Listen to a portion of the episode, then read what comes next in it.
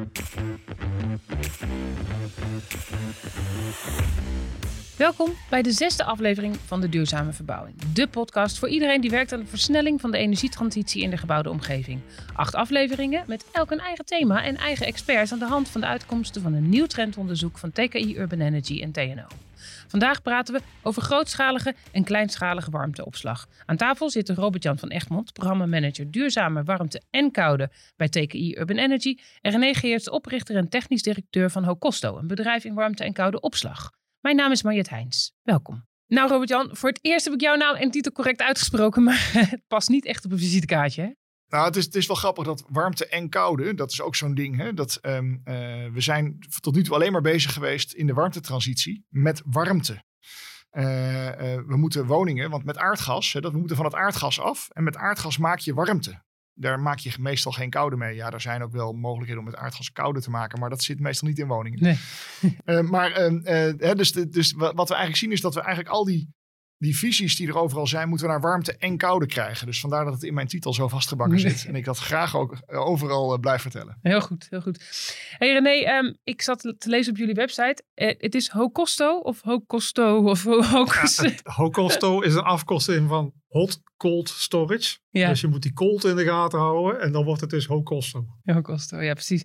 En ik, um, uh, er sprak uit jullie website echt wel een soort van persoonlijke missie om de wereld wat beter achter te laten dan dat je hem vond, zeg maar.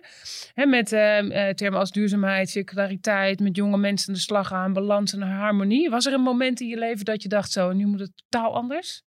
Of ja, heeft dit er altijd moment, in gezeten? dat moment was er wel. Ik heb hiervoor een ander bedrijf gehad, zeg maar, een elektronica bedrijf. Uh, dus, dus echt een diepe elektronica. Dat heb ik verkocht. En toen ben ik met pensioen gegaan.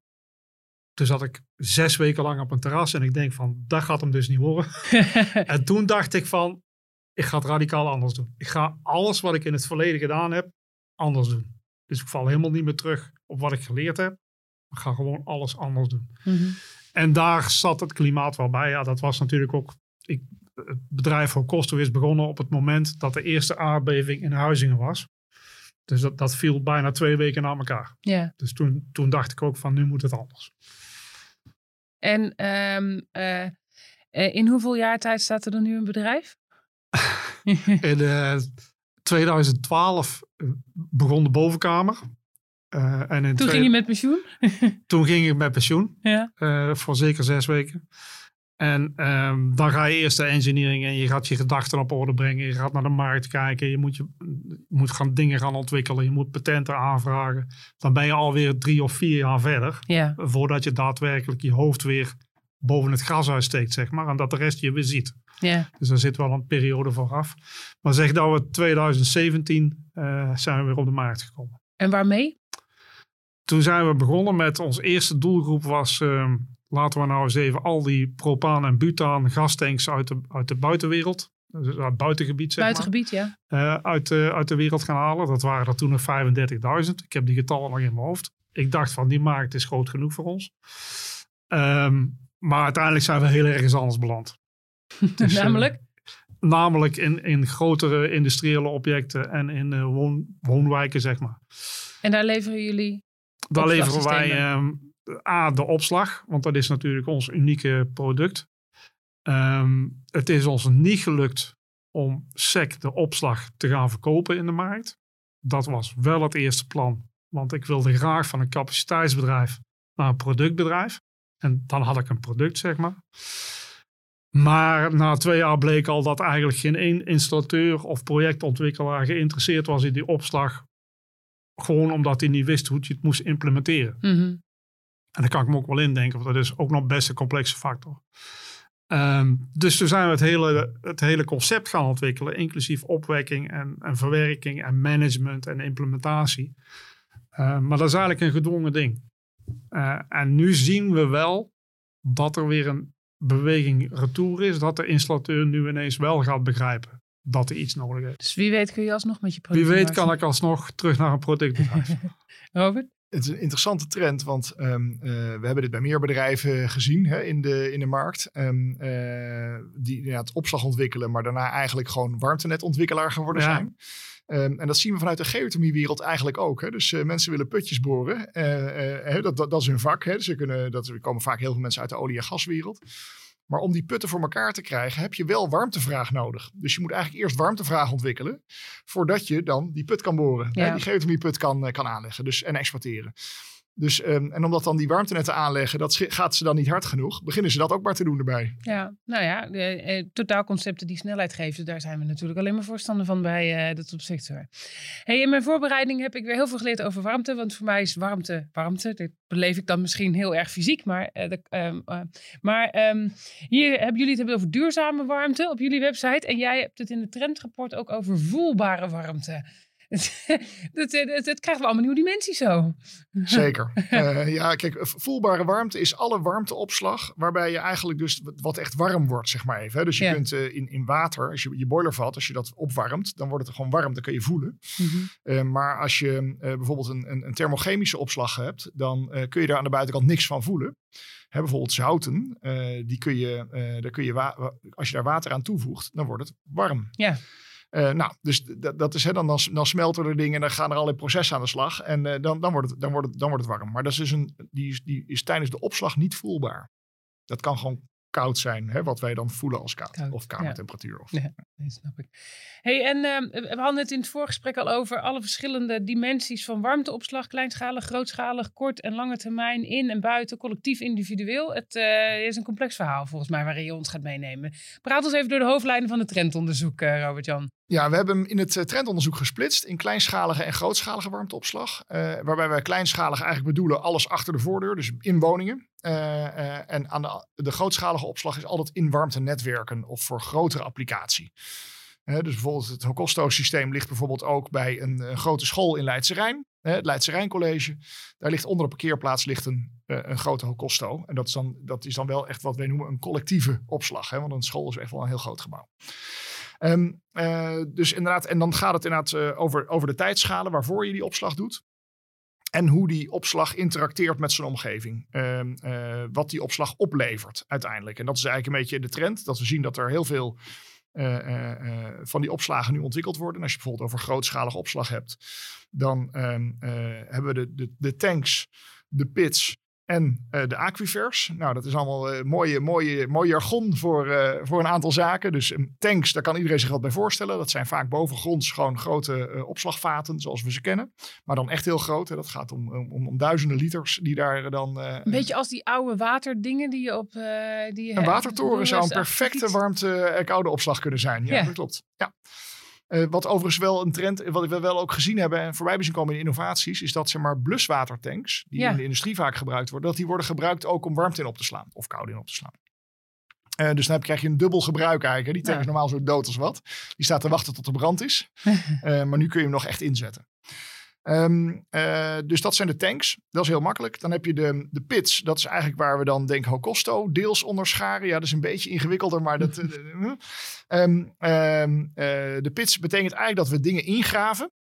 Uh, in Denemarken zie je ze best veel. Dat zijn een soort omgekeerde piramides die je ingraaft uh, in, in de bodem. Uh, waarbij je een liner aanbrengt. lees een stuk, stuk kunststof wat je daarin legt. En isolatiemateriaal leg je erin. En uh, dan leg je daar bovenop een drijvende deksel. René zit al nee te schudden, maar goed, ik probeer het even zo simpel mogelijk uit te leggen. um, maar je, ze leggen inderdaad volgens mij geen isolatie, omdat die warmte gaat naar boven. Dus ja. je legt onderin, heb je heel weinig isolatie nodig. Natuurlijk, dat is ook stom van mij. Maar um, uh, dan, dan, heb je vaak een drijvende deksel bovenop, maar daar heb je heel veel ruimte voor nodig. Omdat je kunt al voorstellen, een omgekeerde piramide, die heeft dus een enorm oppervlak, dan, dat zit dan aan de bovenkant. En dus heb je een heel groot nou ja, weiland nodig om zo'n uh, zo'n opslag kwijt te kunnen. Hocosto doet dan, dan net anders. Die hebben, omdat ze in die opslag, is het niet helemaal gewoon één grote waterbel, maar er zit een frame in. En dat betekent dat je bovenop die opslag kun je zeg maar dubbel ruimtegebruik. Uh, Legt hij het goed uit? Ja. Oké, okay. ja, heel goed. Godzijdank. um, uh, maar dus dat is inderdaad wat, wat, hoe, hoe we daar naar kijken. En um, uh, dus dat zijn de, de, zeg maar, de pits. Dat zijn dus zeg maar, grote opslagen die we ingraven. En dan heb je de aquifers nog. En de aquifers, dat zijn eigenlijk nou in Nederland. Nederland is WK, WKO-kampioen, de warmte-koude opslag. Hè. WKO, dat staat in Nederland dan voor die aquiferopslag. Dus we pakken een doorlatende laag, een poreuze laag in de bodem. Uh, uh, op, op tientallen, soms honderden meters diepte. En Ehm, eh, in die laag, daar zit uiteraard warmte in, daar zit water in. Dat is gewoon een, een, een watervoerende laag, zoals dat zo mooi heet. Uh, en dan kun je aan de ene kant kun je daar uh, warm water uittrekken. En aan de andere kant het koude water weer erin gooien. En dat trek je dan als het ware door dat poreuze pakket heen, waardoor er warmtewisseling plaatsvindt. Ja. Um, en dat probeer je dan over het seizoen te balanceren. Ja, die warmtebronnen die mensen in hun tuin hebben, gaan ook naar die laag, neem ik aan. Ja, maar dat, de warmtebronnen die mensen in hun tuin hebben, dat zijn dan niet de poreuze pakketten. Dat zijn vaak bodemlussen. Gesloten, Dat noemen we dan de gesloten, de G-bessen, de gesloten bodemenergiesystemen. Uh, en dat zijn de systemen waarbij je eigenlijk um, uh, door de warmtewisseling tussen die buis, zeg maar, die je vrij diep maakt, meestal 100, 100, tussen 100 en 200 meter, probeer je daar een vloeistof doorheen te laten lopen, waardoor je de warmte uit de bodem kan ophalen. Ja. Oké. Nou, en dan hebben we nog die WKO's, die zijn in Nederland, dat is allemaal redelijk standaard. Er is heel veel regelgevend kader omheen. Dat mag je dan tot een graad of 25 opladen. Uh, en nu wordt er uh, in de innovaties, aan de innovatiekant en in de wetenschap wordt er gewerkt aan soms wat diepere lagen, en vaak wat dieper zijn, liggen die, naar MTO en HTO, dus middentemperatuur en hoge temperatuuropslag. En dan gaat het tot een graad of 90 waarmee die geladen kunnen worden.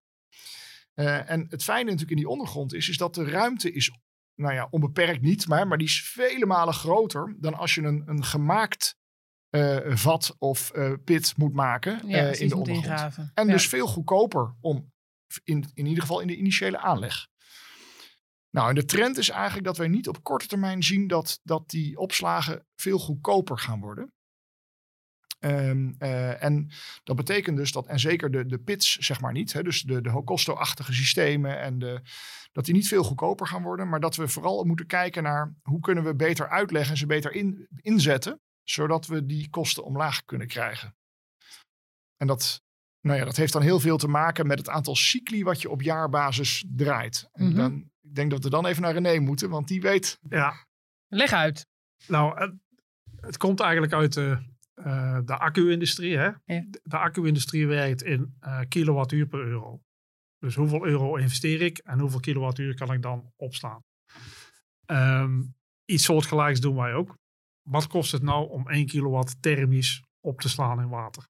Nou, dat kan echt ontzettend veel. In een, in een kuub water kan heel veel energie in. Maar als je die energie maar één keer per jaar laat en ontlaat, ja, die ene kuub opslag die we produceren, die blijft hetzelfde kosten.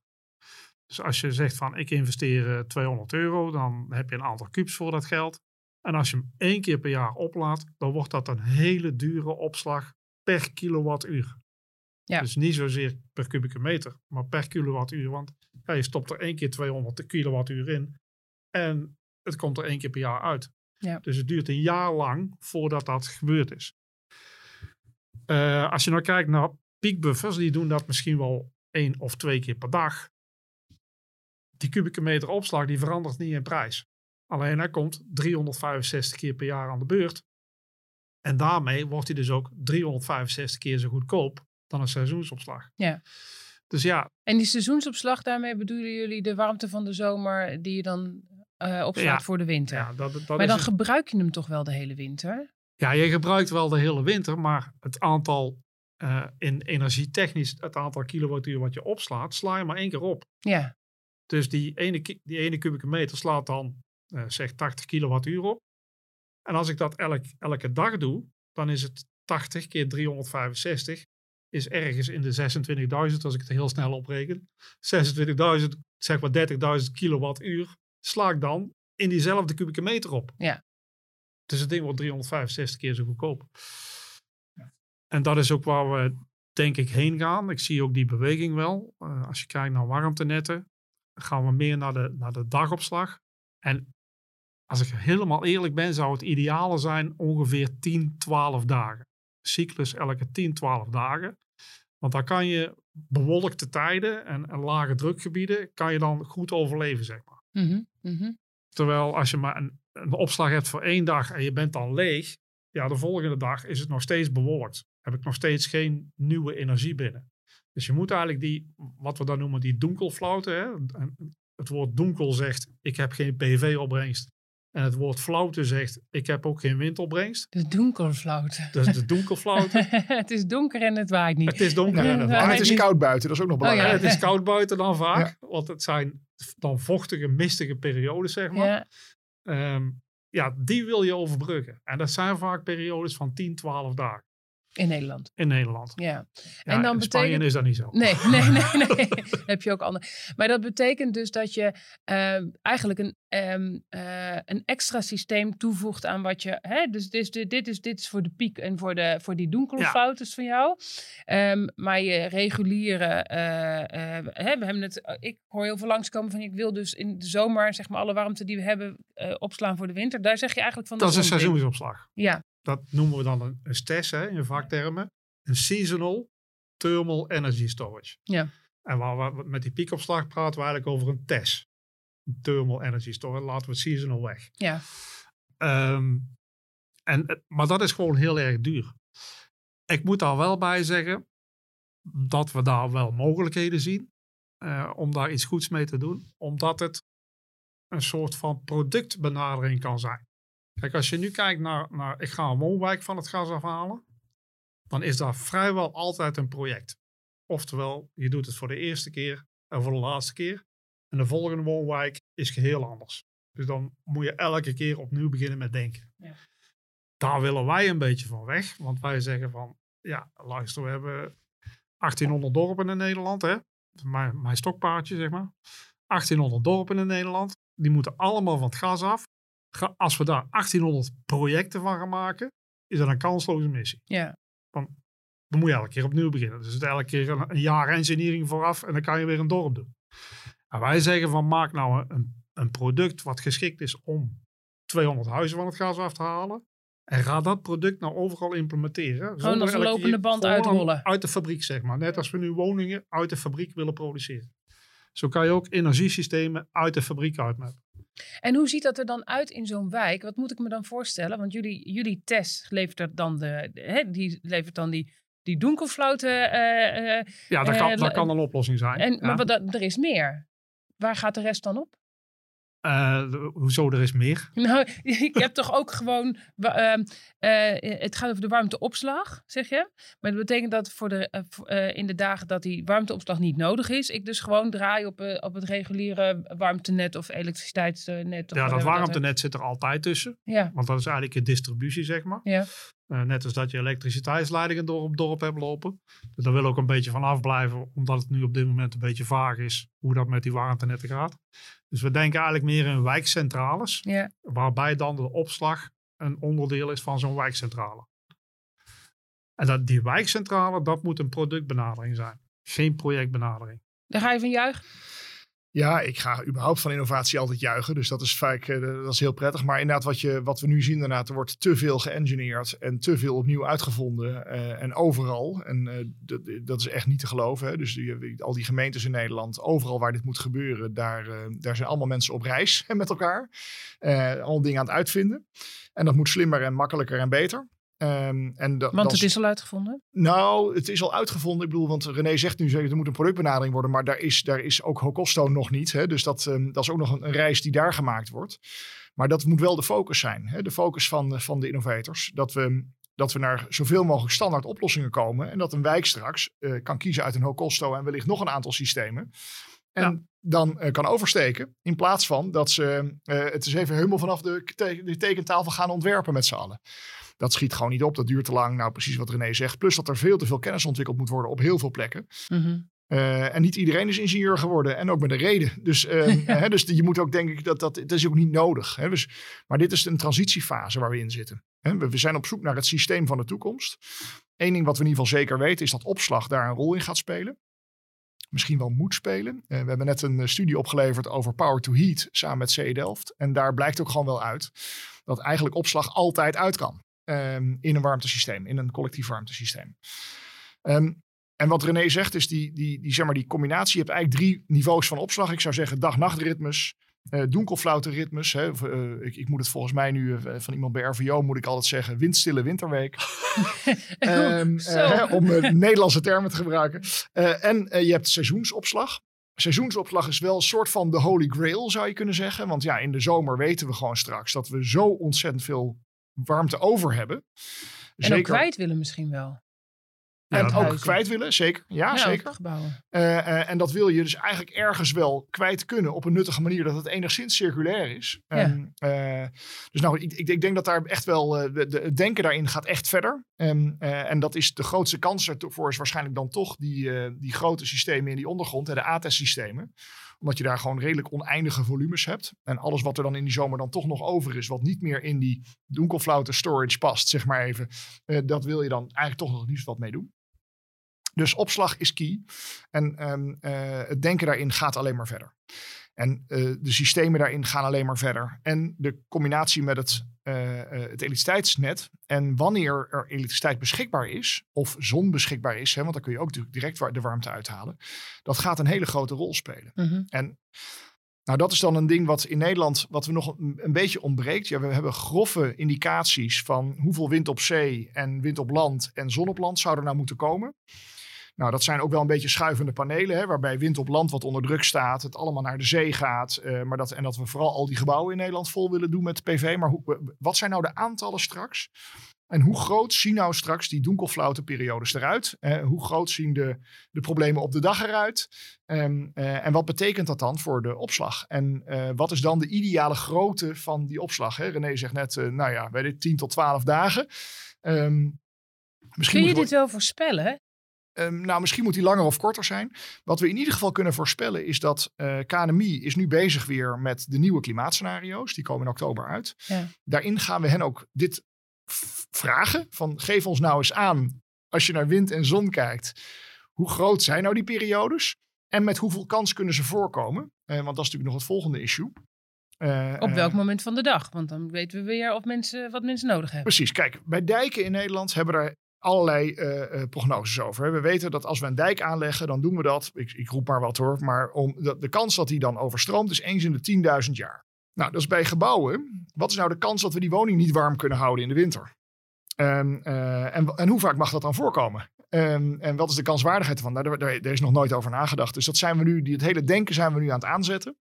Ook bij de wetenschap, eh, van, nou, om daar een nieuw kader voor te ontwikkelen. En om dus die klimaatscenario's van KNMI door te vertalen naar wat betekent dat dan voor nou ja, warmte-koude levering. Maar dat klinkt in mijn ogen ook dat het een voorstapje is voor eh, meer wet en regelgeving. En dan word jij niet blij van als ondernemer. Of eh, sla ik hem dan te plat?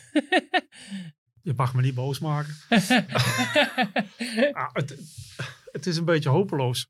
Want Ger, Gert-Jan, eh, Robert-Jan zegt van, ik, we zien die, die pitprijs niet goedkoper worden. Hij zou eigenlijk wel goedkoper moeten kunnen worden. Maar als we kijken naar de kostprijs van onze warmteopslag, dan zit bijna 30% zit in eh, belendende percelen, zeg maar, zoals de brandweer dat zegt. Eh, zaken die eigenlijk die warmteopslag niet beter maken, maar wel heel veel geld kosten. Mhm. En tijd kosten, voornamelijk dat, dat Ja. laatste. Dat is ook natuurlijk ook geld. Als je ziet hoe lang wij bezig zijn om in een willekeurige gemeente zo'n opslag de grond in te krijgen, dan zijn we tien dagen fysiek bezig. En we zijn ongeveer een maand of negen bezig met discussies, vergunningen, ehm En waar- explosieve onderzoek. God weet wat er allemaal nog meer ligt. Waar gaan de vragen over? Wat, wat zijn de, de drie, de drie is- meest gehoorde vragen, zeg Het maar? is voornamelijk onbekendheid. Ja, Ehm, want ja, we laten dan een plaatje zien van nou, dit gaan we doen. En dan hebben die mensen geen clue wat er gaat gebeuren. nee. Eh, en dan heb je al die discussies om al die beren die dan ineens op de weg verschijnen om die weg te halen. En uiteindelijk lukt het dan heel vaak zonder vergunning. Mhm. Want er is eigenlijk geen vergunning die past. En dus Dus mag niet- het. Ja, ik zeg altijd gekscherend. Als je in Nederland een dakkapel op je dak wil zetten. Dan download je een lijstje van het internet. Dan moet je negen vinkjes zetten. En dan mag je je dakkapel zetten.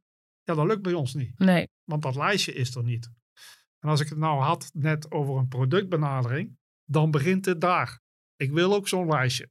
Ik Ja. wil zo'n lijstje met negen vinkjes. Eh, Oké, gedaan, mag. Dat speelt overigens ook bij die eh ATES, hè, dus de, de opslaan in watervoerende pakketten. Ehm, eh, de, de, het WKO, daar is een heel wetgevend kader omheen ontstaan. Dus dat, dat is prettig. Hè. Dat is gestandaardiseerd over de jaren. Dat zal best lang geduurd hebben. Dat, daar ben ik geen expert in. in dat, zeg maar, die zijn er al heel lang. Ehm, maar als je dus hogere temperaturen gaat opslaan, dan komen er allerlei onzekerheden bij kijken. Uh, er gaat iets over ecologie spelen in die bodem. Um, uh, de, de, de, hoeveel zet die bodem nou wel of niet uit als je gaat verwarmen? En wat betekent dat dan weer? Nou, in ieder geval, zeker naar Groningen is iedereen daar hyper voorzichtig mee. Dus ook uh, niet zomaar wordt er dan even een, ergens een proefvergunningje losgelaten, zeg maar zeggen. Hè? Of een, een uitzondering gecreëerd om dit maar toe te passen. Dus daar, daar gaat ontzettend veel bloed, zweet en tranen in zitten. En vanuit de topsector zijn we ook echt nadrukkelijk bezig om uh, hier ook, uh, nou, wat wij dan noemen, loopvermogen op te leveren. Um, dat er inderdaad dat eraan gewerkt wordt om dit te verbeteren. Nou, klein voorbeeldje. Uh, Heerlijk. Wij zijn van. een van de warmteopslagen die we in drinkwaterwingebied weg mogen zetten. Mm -hmm. In Brabant. Maar dat wil helemaal niet zeggen dat ik dat in Overijssel ook mag. dat soort dingen speelt er dus continu. En zo hebben we um, en dat is nog maar 30% van je. Van je ja, dat is, mee. maar dat is wel kostprijs. Ja, dat is wel zonde. Ja. En, en mijn temperatuur gaat niet omhoog. Mijn opslagcapaciteit gaat niet omhoog. Maar het kost wel meer geld. Ja. Wat nog wel even boeiend is, dat, is dat, dat die verhouding tussen waarom warmteopslag nou zo belangrijk is. De why van die warmteopslag. Eigenlijk wat we nu zien is warmteopslag heeft voor allerlei systemen heeft het nut. Hè? Dus ook voor de, de huidige systemen waarbij nog dingen verbrand worden in warmtenetten. Uh, hè, dus denk aan um, uh, grote bijvoorbeeld biomassacentrales. Maar denk ook aan geothermie. Um, hè, dus geothermie dat is een, monotone bron. Hè, die levert altijd eenzelfde vermogen. Maar dat warmtenet vraagt het ene moment veel meer vermogen dan het andere moment. Dus met een opslag erbij kun je die demping leveren. En kun je eigenlijk um, de huizen op ieder moment van hun gevraagde verwarmingsvermogen voorzien. Zonder dat je je geothermiebron zachter en harder moet zetten. Met een kleinere bron, ja. Precies, ja, nou, die niet kleinere bron per se, ja, eh, die wordt efficiënter benut. Ja. Dus die een geothermiebron kun je niet makkelijk harder of zachter zetten. Um, die wil je eigenlijk constant door laten draaien. Nou, dus, maar ook het elektriciteitsnet is in dat kader heel interessant. Kijk, de, de meeste gemeenten straks en, en, kleinere wijken gaan allemaal op elektriciteit die warmte maken met warmtepompen. Dus met natuurlijke hulpbronnen uit de omgeving. En um, uh, dan betekent het dus dat je eigenlijk, dan ga je dus elektriciteit gebruiken. En die elektriciteit wil je natuurlijk het liefst gebruiken op het moment dat die elektriciteit zo schoon groen mogelijk is. Kortom, niet gemaakt wordt door ergens een gascentrale in het land. Ja. Dus als het hard waait, wil ik de energie gebruiken. Die. Of als de zon hard schijnt. Klopt. Nou, en uh, dat, is, dat is dan de, dat donkelflaute fenomeen. Dus wat je wil doen, je wilt dus eigenlijk naar opslagvolumes toe. Uh, waarmee je die woningen kan beleveren. Op de momenten uh, sorry, op de momenten dat die woningen die vraag hebben. Maar je wilt de elektriciteit gebruiken, of lees de warmte maken, op de momenten dat die stroom groen is, lees even heel, nog veel platter, dat die uh, stroom heel goedkoop is. Hè, want groene stroom is het goedkoopste wat er is. Ja. Dus om dat bij elkaar te brengen, hebben we gewoon opslag nodig. En is opslag eigenlijk, nou, we, we hebben het nu laatst ook weer voorgesteld in een wat gremia ook bij de politiek, van Um, uh, dat we ook vragen van, uh, uh, eigenlijk zouden we kunnen nadenken over dat opslag een verplichting gaat worden bij nieuwe warmtesystemen. Maar je hebt dus, want dit, ik, ik heb ook wel vaak gehoord dat we, een, dat we dat soort opslag regelen met een batterij. Maar dit is eigenlijk niet het batterijverhaal. Dit is een batterij die warmte opslaat. dus die gaat eigenlijk al een stap verder. Toch? Moet ik het zo zien? Ja, nou, ik, ik, even het grote verschil tussen een elektrische batterij en ja. een warmteopslag. Kijk, van een elektrische batterij levert weer elektriciteit terug. Ja, maar dat is wat je veel ziet in van die, hè, we moeten ja. die pieken op, uh, opvangen met, met, met, een, met een elektrische batterij. Ja, maar een warmteopslag, kijk, omdat 50% van het finale eindgebruik van onze energiebehoefte is warmte of koude. Um, uh, dus, dat is, dus als je dat nodig hebt, dus lees, we hebben een warmtenet, dan kun je dus een warmteopslag bouwen. Uh, want dan kun je op andere momenten de warmte maken dan dat je hem levert. Ja. Maar het tweede enorm grote verschil is, we hebben het hier over opslag in water. En water hebben we nou net genoeg van. En als je kijkt wat er voor materialen in de batterij zitten. We gaan ze uiteraard nodig hebben in Nederland hè, voor allerlei andere redenen. Maar um, uh, voor grootschalige opslag, om uiteindelijk warmte van te maken, zou ik zeggen, laten we het dan in warmte opslaan. Dat is qua materialen veel beter uh, uh, en qua efficiëntie niet veel slechter. Um, en we hebben al die schaarse materialen die in allerlei dubieuze landen uit de grond gehaald worden, hebben we niet nodig. nodig ja. Eens. Ja, goed zo. Ik kan ook wat getallen onderhangen. Hè? Als je zegt van we gaan warmte opslaan. 1 kubieke meter warmteopslag um, afhankelijk van de delta T die je aanhoudt. Maar grosso modo stoppen wij daar 90 kilowattuur in. En 1 kubieke meter warmteopslag weegt bij ons 5,5 kilo. Mm -hmm. That's it. Daarvan is het grootste deel is, uh, kunststof. En het andere deel is aluminium. Maar er gaat niet meer dan 5 kilo grondstoffen een, een kubieke meter opslag van 90 kilowattuur. Ga je met een batterij nooit voor Nooit elkaar krijgen. Nee, nee, precies. Dat, precies. die, een factor 10, 20 keer zo hoog. Even, ik heb het voor mijn huis een keer uitgerekend. Ik had iets van... jouw huis ehm, is jouw testobject in alles. Zo eh, ongeveer, Zeker, hè? ja. Eh, ik, ik had om, om, om zeg maar seizoensopslag te doen met, voor mijn huis. Eh, had ik iets van eh 70 of zo Tesla 100 kilowattuur eh, auto's nodig. Hè, dat is die batterij van Tesla, die thuisbatterij is maar 13 kilowattuur of zoiets opslag. Dus daar kom ik niet mee. Maar als die grootste auto van Tesla met 100 kilowattuur batterij, dan had ik er dus 70 van nodig om mijn zomer-winterprobleem op te lossen. Ja, dan, dan snapt iedereen dat gaat, dat gaat niet Dat werken. gaat niet werken. Alleen al qua materialen niet. eh, laat staan eh, eh, eh, qua ruimtegebruik en al dat soort zaken. Ja, dus, en dat zagen we ook toen in een studie. We hebben in 2020 een studie opgeleverd over de kostprijs van warmteopslag. En als je anders dan zeg maar dat buffervat om mee te douchen. En eh, daar wordt, er zijn, is wel wat innovatie nu bezig. Dat je toch ook een, misschien wel voor een paar dagen de warmte ook kan opslaan in de woning. Maar die systemen zijn relatief duur. Dat is net als die thuisbatterij, hè, dus de elektrische batterij. Die is ook relatief duur per woning. Als je een thuisbatterij of een elektrische batterij op wijkniveau neerzet, is die een factor 5 tot 10 goedkoper per kilowattuur dan als je hem in je woning plaatst. Dus ehm, eh, daarom zie je ook dat er politiek niet heel veel animo is om die thuisbatterij te stimuleren. Nou, met warmteopslag geldt iets dergelijks. Warmteopslag is gewoon heel inefficiënt in een woning. Eh, eh, en, en, Bovendien nog een apparaat erbij. Ik ben wel klaar met de apparaten. en qua ruimtebeslag in je woning, er zijn toch heel veel Nederlandse woningen waar het gewoon domweg niet past. Of waar die, kilo, waar die vierkante meter zoveel geld waard is dat het, hè, in, in, in de binnenstad van Amsterdam praat je dan over 10.000 euro, die vierkante meter. Nou, dus dat is ook een interessant gegeven om mee te nemen in, ehm, in opslag op grote schaal. Maar die, ehm, eh, en ik proef wel dat op het momentje dat je naar die grotere schaal gaat, dan wordt het dus ook iets van of een energiecollectief, waar ik het eh, eh, ook nog over heb in een andere podcast, of van een gemeente, of van. Het is niet iets wat je met drie buren samen kunt zeggen van dit willen we wel. Of Maar kan dat wel? Dat klopt, want collectief ga je het openbare domein in. Ja. Op het moment dat je het openbare domein ingaat, gaat je regelgeving een factor 80 omhoog, zeg maar. Dus het kost ontzettend veel geld om in het openbare domein iets te doen. Ja, ja, dus dit is een oproep aan gemeenten om hiermee aan te denken. Of dit- Ja, om ja. hier een proces van te maken. Heel graag. Oké, nou ja. Nog even terugkomend op dat congestieprobleem, hè, wat je net zei. Van we willen eigenlijk eh, warmte maken op het moment dat de stroomprijs heel goedkoop is, want dan hebben we veel duurzaamheid. Eh, wij zien wel twee, twee verschillende congestiebenaderingen. Want de andere kant van de congestie is dat bedrijven gewoon geen aansluiting meer krijgen voor de komende drie of vier jaar. En die moeten toch wat. Ja. En daar zien we eigenlijk juist het tegenovergestelde van, oké, leg er een buffer achter. Want die buffer die voldoet aan de vraag van het gebouw. En dan koppel je vraag en aanbod van elkaar los. Dus die buffer die zorgt ervoor dat hij de vraag altijd kan beantwoorden. En die vraag die komt niet overeen met wat er geleverd wordt links. Mhm. En dan zien we dat eigenlijk de, de opwekking nog maar 40% is. Een soort druppellader. Ja, een soort druppellader. Die eigenlijk 24 uur per dag alsmaar hetzelfde doet. En alleen maar kijkt, oké, voor de dag van morgen heb ik zoveel warmte nodig. En ik heb 24 uur de tijd om dat bij elkaar te werken. En als het dan 's morgens om 8 uur het kantoor open gaat, heb ik daar last van als opwekker. Ja. Want dat komt uit die buffer. En dan kun je dus met een relatief kleine warmtepomp of klein aantal bronnen, eh, kan je hetzelfde doen als dat je ehm 100 keer of 100 procent van, die, van die, dat, dat vermogen wegzet. Totdat ze een feesttent met, eh, Ja. eh, op het terrein erbij plaatsen. Maar in principe, als je, je verbruik constant blijft, dan kan dat dan werken. Ja, en dan gaat je elektriciteitsaansluiting dus omlaag. Ja, Dus dan kan je met die 3 keer 80 ampère die geleverd moet worden, kan je misschien wel voor elkaar krijgen wat je anders niet voor elkaar kan krijgen. mag dat? Ja, dat mag. Oké.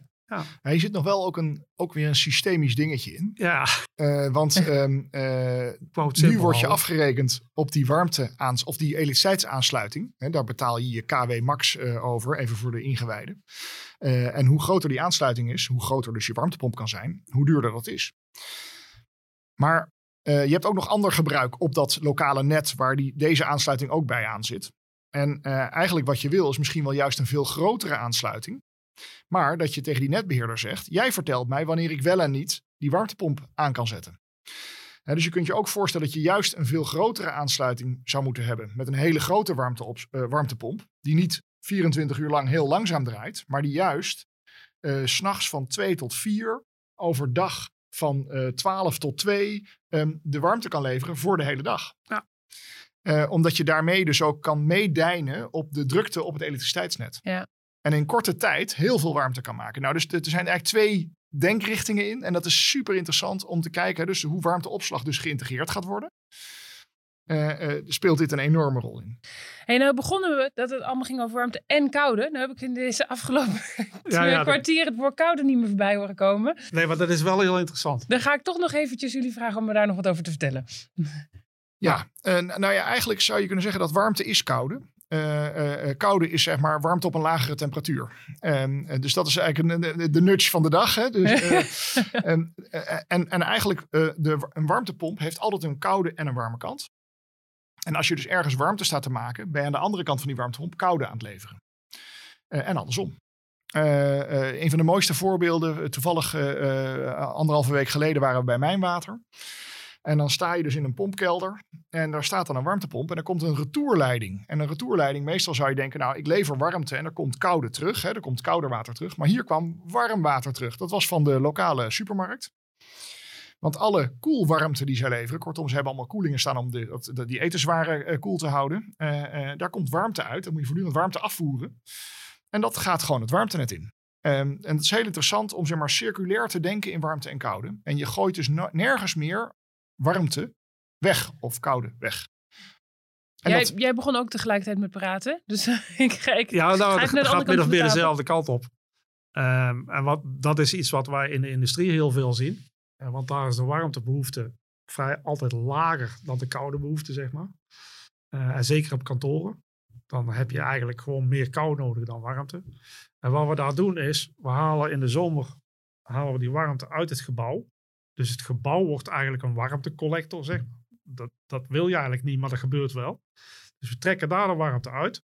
Die slaan we op voor een maand of vier. En die geven we in de winter weer terug. Ja, die seizoenswarmteopslag. Eigenlijk zijn eigen energie.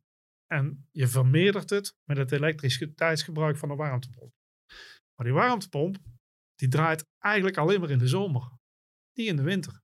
En dat is precies wat je hebben wil. Want in de zomer hebben we heel veel PV-panelen die alsmaar staan te duwen en te duwen. En we kunnen er eigenlijk niks mee. Want het energieverbruik is gewoon heel laag in de zomer.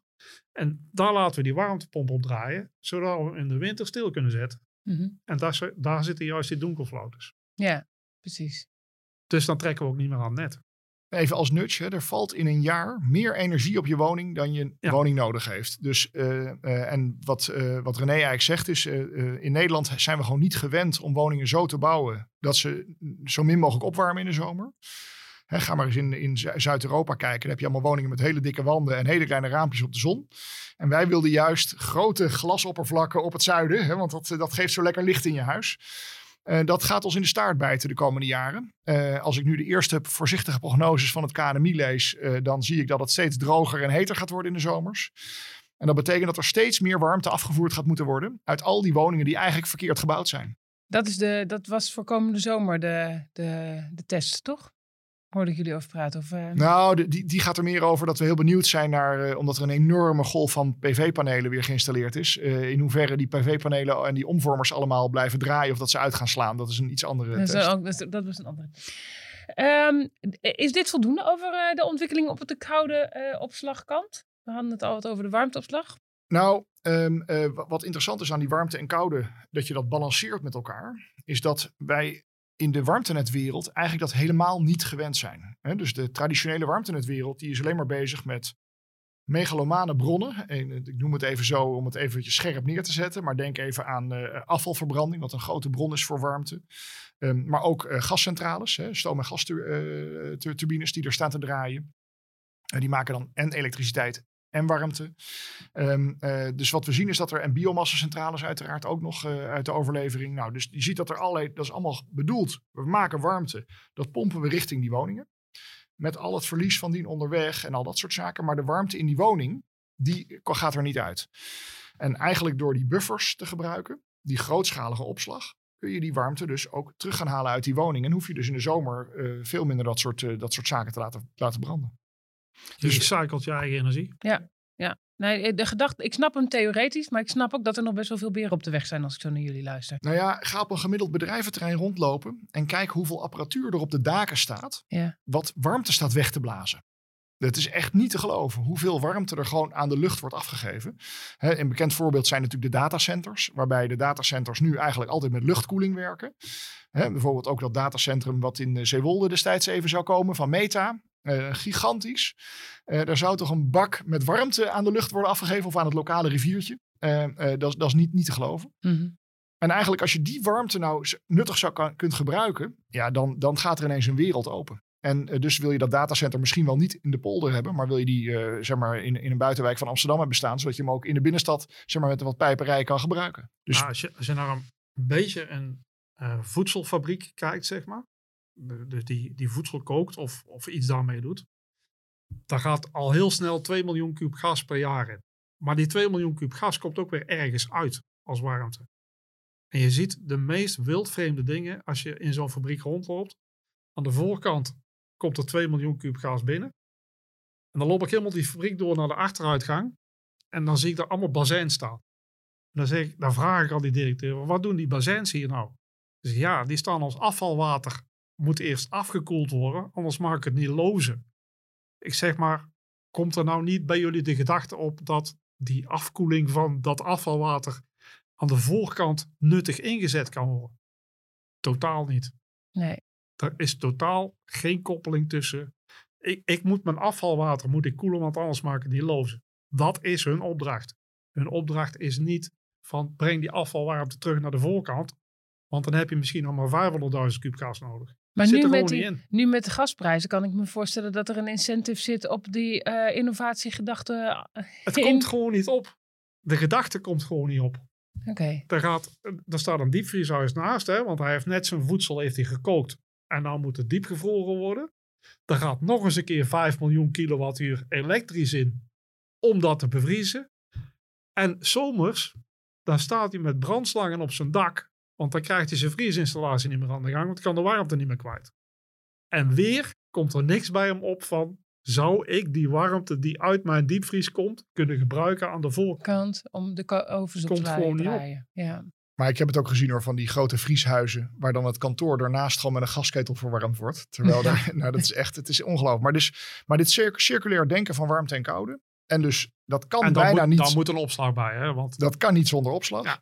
Betekent dus dat er een enorme druk komt, en die gaat alleen maar hoger worden, om opslag te ontwikkelen en door te ontwikkelen.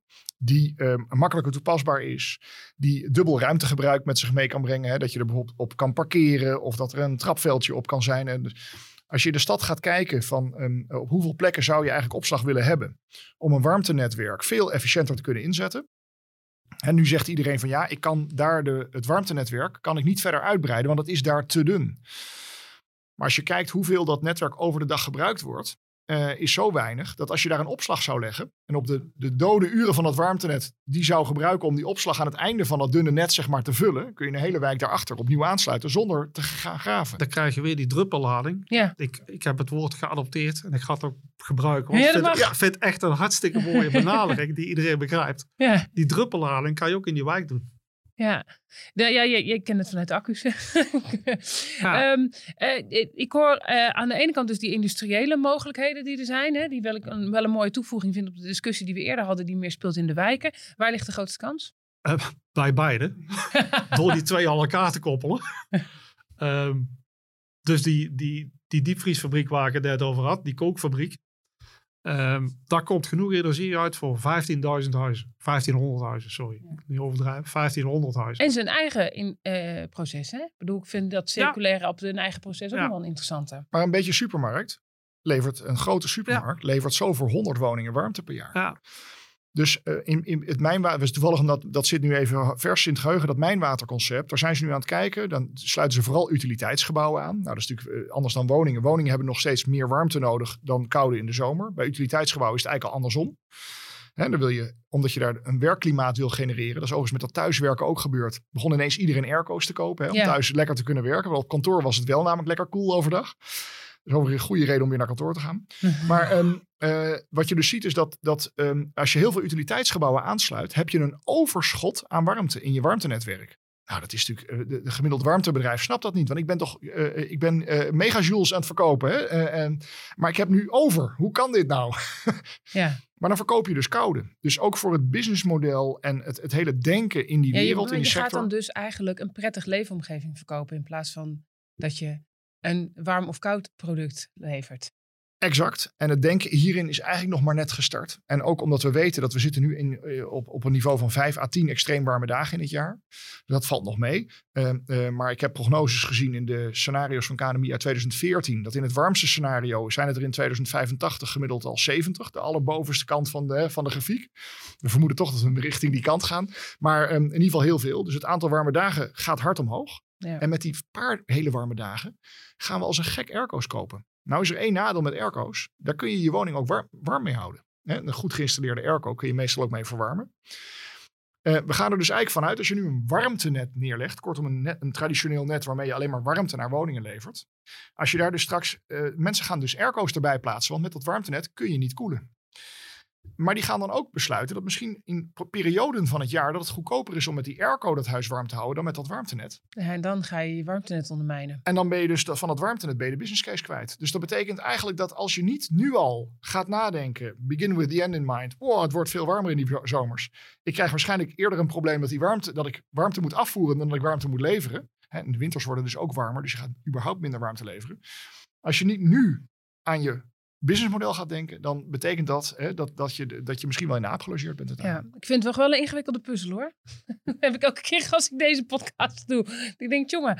Ja, nou dat is waarom ik, uh, ik ben begonnen ooit in mijn uh, transitieperiode in mijn leven naar uh, duurzame energie. Begonnen met elektriciteit en zonnepanelen. En ja, dat is, en, en, en ik wil niet zeggen heel makkelijk, maar dat kun je nou wel heel goed aan rekenen. Uh, en bij warmte en koude en hoe dat dan werkt in de zomers. Met het, nog het probleem dat het klimaat verandert. Dat maakt het wel super complex, maar daardoor ook super interessant. Ja, je moet, warmte heeft een meer systematische benadering nodig dan PV. De, de, je kan warmte niet losplaatsen van een systeem. En dat maakt het complex. Want het geeft ook heel veel stakeholders, geeft ook heel veel overleg, geeft ook heel veel implementatie tijd. Ja, snap ik. Maar het is een systematisch ding. Ja, nou, vind ik een mooie afsluiter. Maar ik weet niet of je nog een nabrander hebt, want het mag nog. nee, want dan gaan we nog meer complexiteit op tafel leggen. ik vond het uiteindelijk toch nog best wel heel, uit, uh, heel duidelijk uitgelegd. Dus uh, kon het nog allemaal volgen. In het voorgesprek was ik jullie twee keer kwijt. nou, dank voor de komst uh, naar deze studio en dit leuke gesprek. Dit was de zesde aflevering van de Trendpodcast De Duurzame Verbouwing. Wil je meer weten over deze trend? Op de website tki-urbanenergy.nl vind je het volledige trendrapport en de samenvattingen van de deelrapporten. Of kijk in de show notes voor een directe link naar het onderwerp van vandaag. De volgende keer duiken we in de wereld van warmtenetten. Tot dan en dankjewel voor het luisteren.